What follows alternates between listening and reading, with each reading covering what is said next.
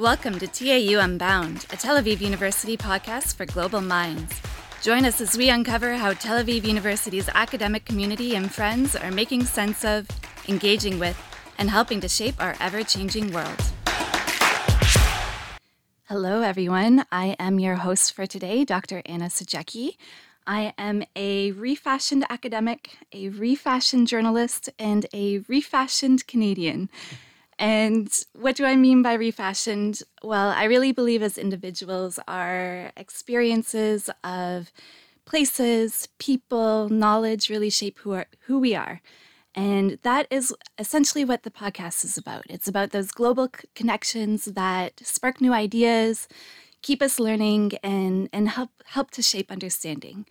So, with that, I am very, very excited to introduce two very special guests today who are here at Tel Aviv University and in the studio with me um, in part of a celebration of 70 years of diplomatic relations between Mexico and Israel. And so we have visiting us today uh, Jose Luis Punzo Diaz, who is a faculty member with Mexico's National Institute of Anthropology and History in the, hopefully I get this correctly, uh, Michoacan department. Yes, yes, yes. Okay, good, good. Um, and I, I read that you're also the previous director of the Museum of Northern Culture in Paquime, Chihuahua. Yeah, exactly. Thank you. Uh, Welcome. Oh, thanks, th- thanks to you for having you here. Thank you. And we are also joined by Andrea Garza, who is also from Mexico, though currently she's a part of the Ancient Israel Studies master's program at TAU. And if I understand correctly, is turning her sights towards a PhD in anthropology. Yes. Well, PhD in archaeology. Okay. See. Amazing. Very, very excited. I and again, I'm so excited to have both of you here. Uh, bienvenido. Gracias, Ana. Muchas gracias. So, um, I would love to start with just knowing a little bit about, you know, we all have our passions, what we get into. I feel like archaeology is a field where, you know, there, there's a passion that probably draws you to it a little bit. So, so can you tell me a little bit why both of you were drawn to and chose archaeology? Yes, sure. Well, you go first. You have more years in this, huh? Okay, well, a bit more. yeah, well, uh, for me, it was like a kind of a decision that I made since I was a very little kid because, you know, my grandfather uh, loves history. He he moves exactly from Michoacan area into Mexico City. He had to migrate over there because, you know, have, having more better job and everything. But uh, when I born and and I went with him, he always told me histories. He he never read me, you know, like. Uh, a normal uh, tale of uh, whatever. She, uh, he always uh, get a history book and start to telling me about the importance of the uh, of the indigenous groups that came from Michoacan and all the greatness that they have and how they fight against the the, the city in, in, in Mexico City. So I always have this in my mind. So when I was a very young kid, I, I knew that I want to do archaeology. And finally, uh, with the years, I, I, I get into Michoacan. I, I did exactly that that my grandfather told me when I was a little kid. So for me, it's incredible. Okay, so from your grandfather to you to Yeah. the future, which perhaps includes Andrea as well. Yes. Well, for me, um, well, when I was a kid, I wanted to study maritime biology. Okay. something completely different and i wanted to do things related to animals but always like i always liked history and the way my mom told me the stories and told me the history of mexico and she also told me the history of uh, troy elena elena de troya achilles like all these stories she told me this in his own um, charming way to explain stories. And I was like, oh, sounds interesting. And then, um, so slowly, slowly, I tried to, my interest went into history, but I didn't want to do only history because history, you are reading what others wrote and the interpretations that other people uh, have of the past. And I don't know how I heard about archaeology and the way you interact with materials findings. And actually, you are the first one, when you are doing excavations, you are the first one who is approaching to the past, to that material finding, and that finding has a story to tell. And I wanted to do that. Actually, like archaeology is um, basically like a time machine if you know how to use it wisely. I love that. I love that idea. It's a time machine. And I feel like if it were a time machine, it's one where you kind of touch a particular object, right? And Yeah. then it'll transport you into whatever different time. Um, Exactly. Exactly. Can you imagine who was the last person who was buying bread in a random town in the Galilee? And you are carrying that coins. You say, whoa, these people could have been in trouble, was hunger, or it was like the salary and it was saving it. Could he buy bread or whatever? So I really like to think about the person who was behind the material. The objects. Yeah, absolutely. Yeah. So, how much when you go into a new project, a new dig? I'm not sure if dig's a technical term anymore or Well, yeah, yeah. It could be uh, excavation. it's okay. excavation. Yeah, yeah. There we go. how much prior knowledge do you tend to have, and how much of you you're there and you're discovering things, and you're, you know, you're you're really you are you discover this new object, and you're you're trying to bring it together in your mind and think about what it possibly could be. How often do you have those surprises? Well, I think uh, that's one of the most fabulous things in archaeology. You all time, of course, when you do uh, scientific excavation, you have to have your questions in mind. You have a lot of pre-work done to try to figure out what the things you expected to find, but you never know no matter how much technology you use, how how much uh, cool things uh, you are using, but always when you make an excavation, you will find totally uh, something new, something that amazed you. So that's one of the I think one of the most incredible things in archaeology because every time you do a new excavation, you have a new thing, and you have to rethink what you're supposed to uh, find. So it's an act of imagination, I think. And archaeology, it's an act of um, imagination all the time, and you never know for sure, uh, not what you're gonna do, you know, if it's what it's next, because it's like a big puzzle. I, I always said, you know, it's like archaeologists. If you have like a a big puzzle and you have only half of the of the pieces and the other half are throwing away there are dirt and then mix it with another 10 and then you find one piece and you try to figure out what's the image that it's in the puzzle. And then but but you never have all the puzzle. So always you have to do imagination and think about these people that lives in the past. So it's a really incredible thing to do.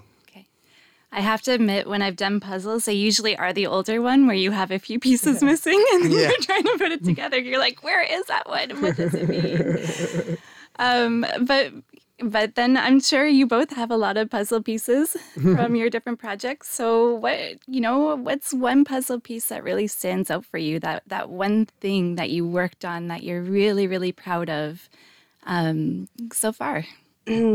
Well, well, I don't know. Like one artifact that I say wonderful, uh, I do not have one in mind, but what I have is the relation of different artifacts that told the story. And that is the thing that I really like because, yes, I can find a beautiful uh, basalt vessel and it's wonderful. You have it there. It was in the excavation. But what with it? Uh, what is, why was that vessel there?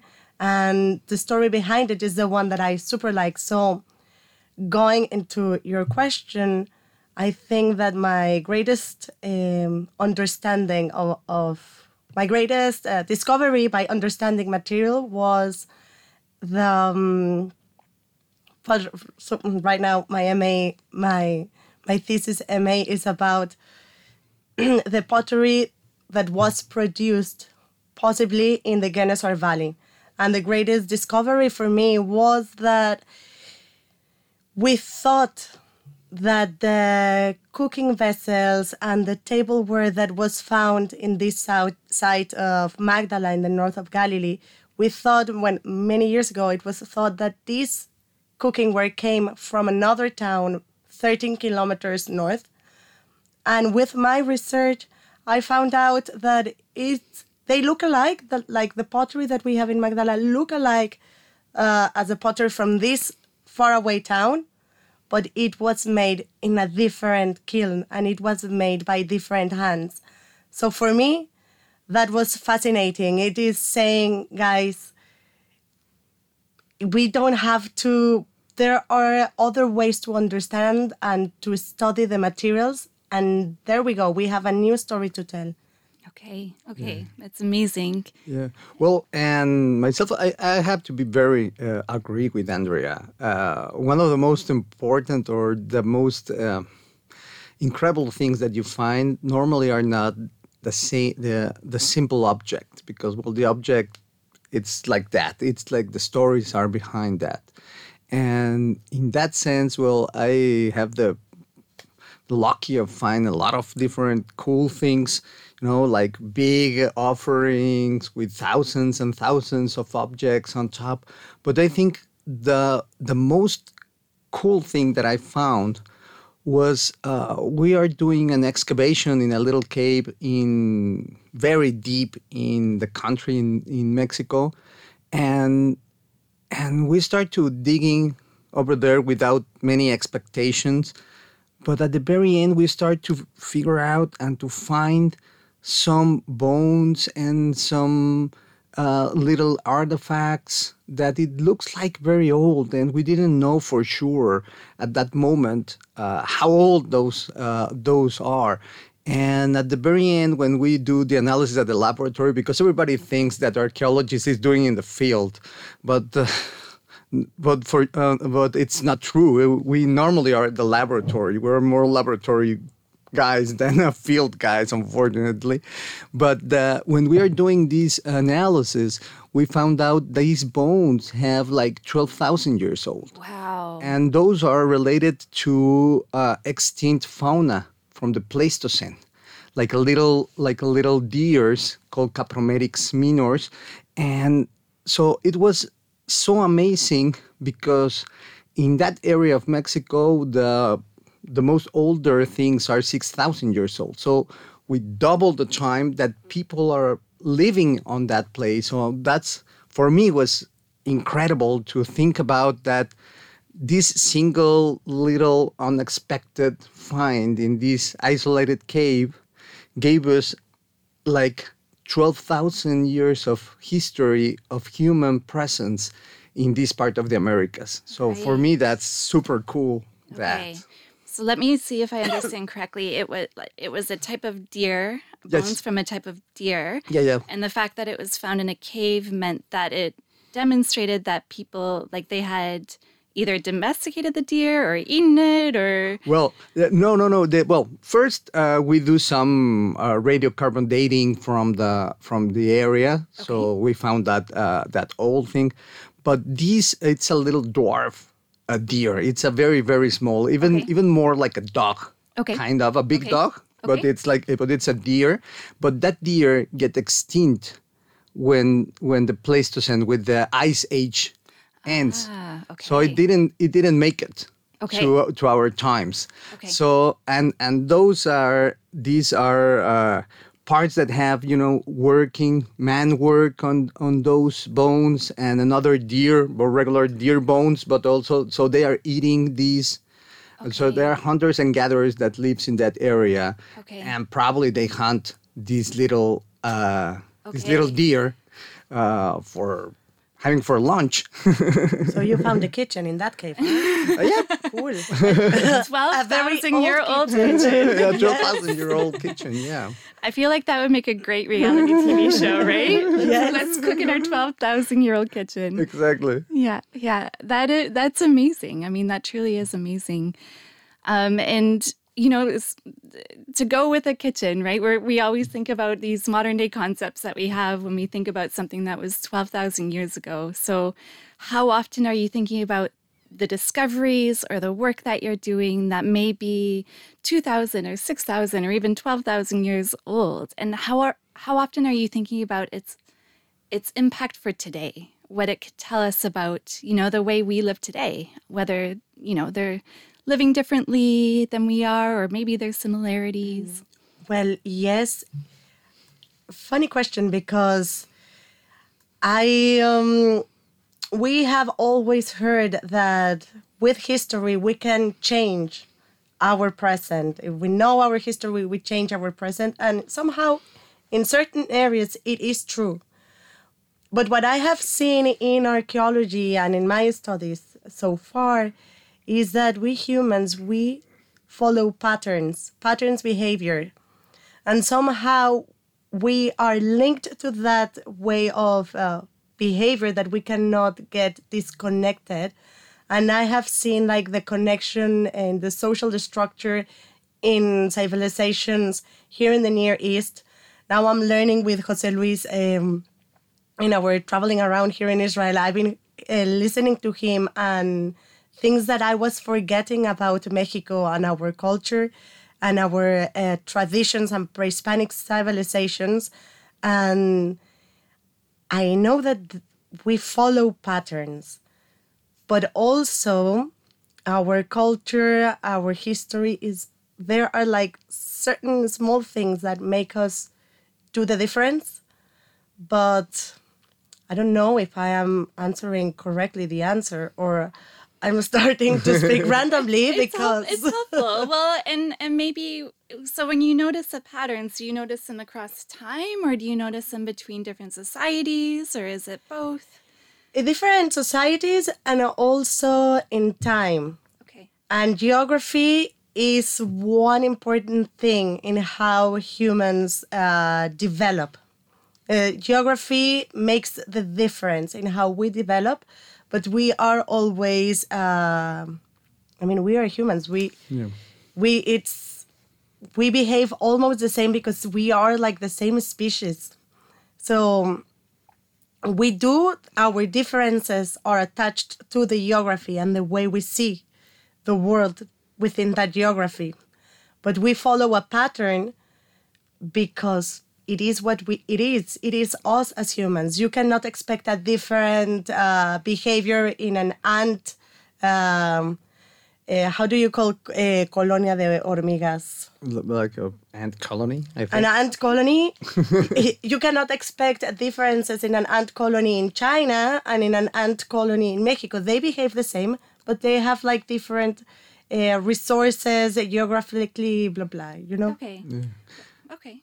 And addressing that, but in in a different uh, perspective, I, am agree with Andrea about that. As a human species, we we behave or we have some limitations that our body have so and our perception so in the past and i think that's one of the things that that let us understand or try to approach the past and I think that's very important because if we don't have that in mind, it will be impossible to do archaeology and imagine how people lived in the past. But also, uh, on your question, if we uh, take another look of that, archaeology for me it's a very present day thing because because we as an archaeologist always are thinking about questions and questioning the past whole time but the questions are today questions. We are not looking for the old ones because we normally thought that the archaeologists try to solve that. And yes, we try to do that, but we are trying to do that in present days. So now, one of the most uh, important fields, for instance, in archaeology is the gender studies, for instance. It's the identity studies. So so the questions that are important for us in the present days, it's one of the questions that we did to the past. So with that in mind, it's very interesting because when we answered that questions in the past, we understand that questions today for us So how people related each other, how gender works in different societies, how identity goes over there, how we have relationships with our landscape or our environment. So, you know, and and that I think it's very very interesting today. Okay.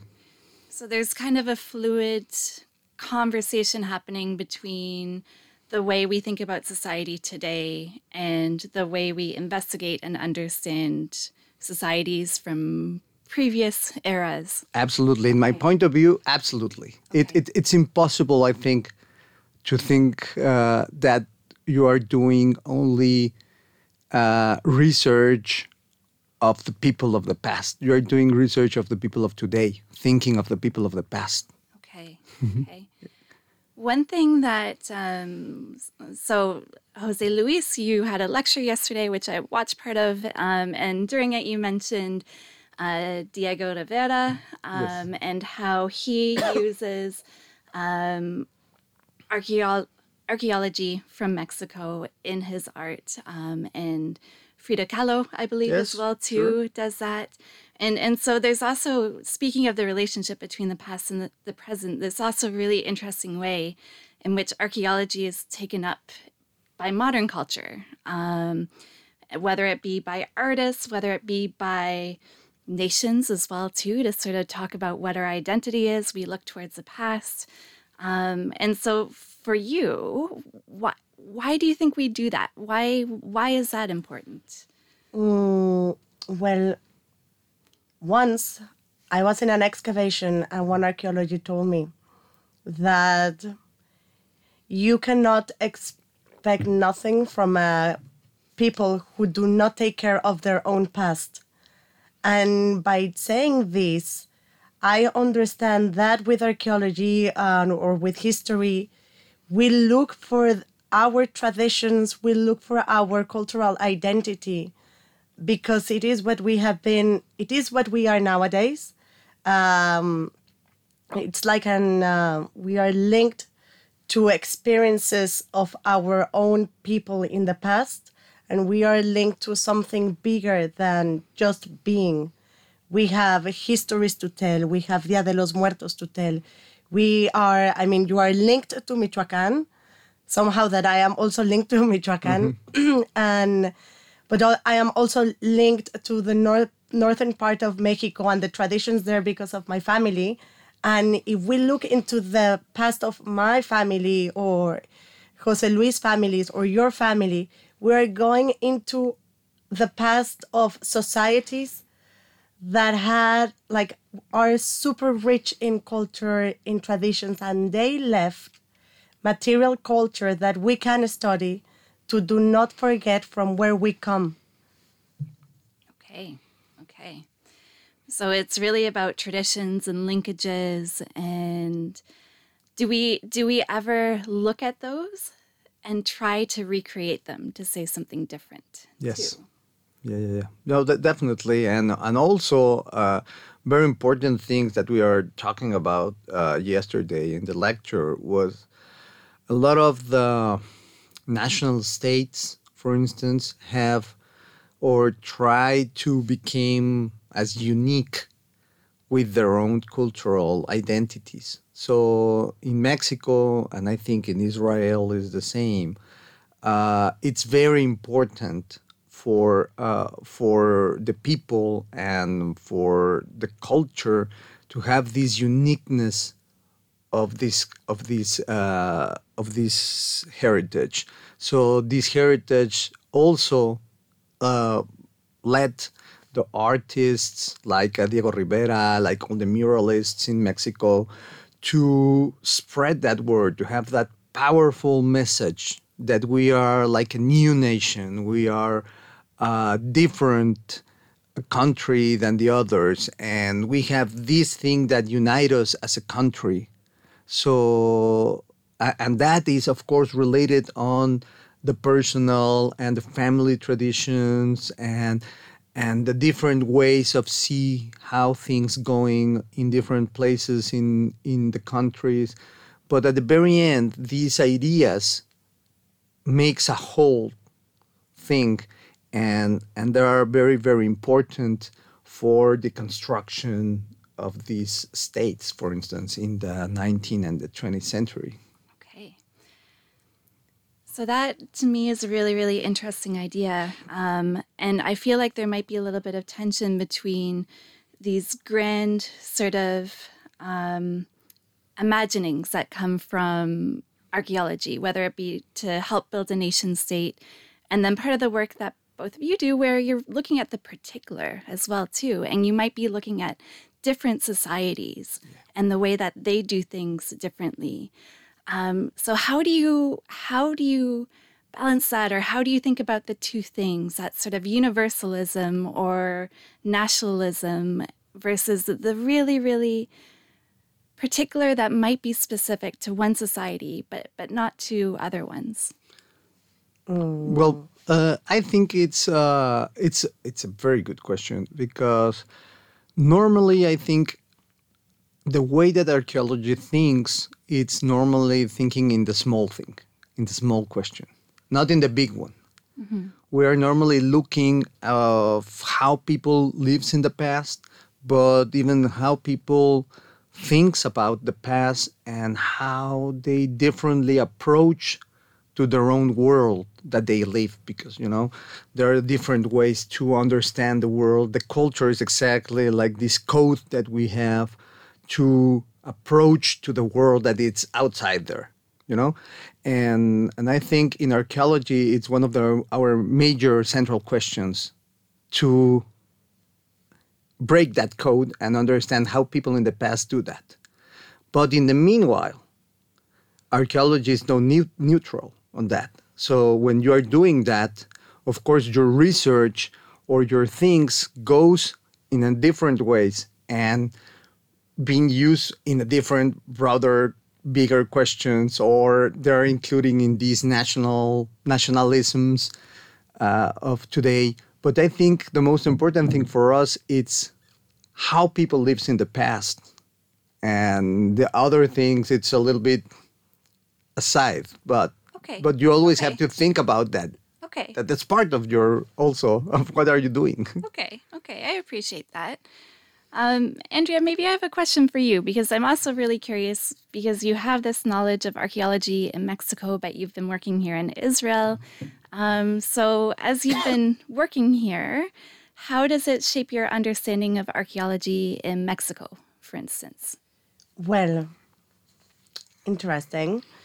Um, when I was studying in Mexico, I was studying. Uh, I studied archaeology in Mexico, and all our studies were about pre-Hispanic archaeology, which it is good because it is our heritage. But um, I I wanted to know uh, something different. I mean, what I want to say is that we Mexicans we are a mix of cultures we are yes we have our pre-hispanic heritage which is it, it, it is amazing but we have also the european uh, heritage. And that european heritage uh, is a part of it, it evolved from the roman empire and the roman empire evolved from the um, hellenistics i mean there were huge connections here in the Mediterranean. So we have philosophy, we have the Roman law, we have so many things that belong to this part of the, the world. And another thing is religion. In Mexico, uh, we are millions of Catholics and we are attached through Catholicism to also the beliefs and the way of say the religion, the Catholic uh, religion, the origins are from here. So I wanted to understand the history or the the other part of our heritage, the European and the one that began in this part of the world. So I had the opportunity to come uh, and do excavations in Magdala. I wanted to see something different. I wanted to understand the other version that we have as Mexicans, and it is like a very, very uh, hidden. So in here I learned different uh, type of uh, archaeological materials that we do not have in Mexico because makes sense. It's so different. But also in these uh, different archaeological materials, you can see patterns in behavior. So I like it. Um, so I started to see that I super liked the way archaeology works here in Israel. The, um, it is very similar in Mexico, like the protection of the heritage is so important for our identity. And I said, This is it, this is what we need. We have to understand our own past to have a strong society, to be a strong society nowadays. In Mexico, we have to do it. We do not have to forget who we are and our heritage, our past that we can see and we can trace through archaeology. We have to preserve it. And here in Israel is the same. And all what I have heard or and what I have learned from my professors here, it's like amazing and stunning how we have to preserve and understand our own past. Okay. Jose Luis, would you agree with that? Well, yeah, well, I have to be agree with that, of course. Yeah, no, definitely. Uh, I think uh,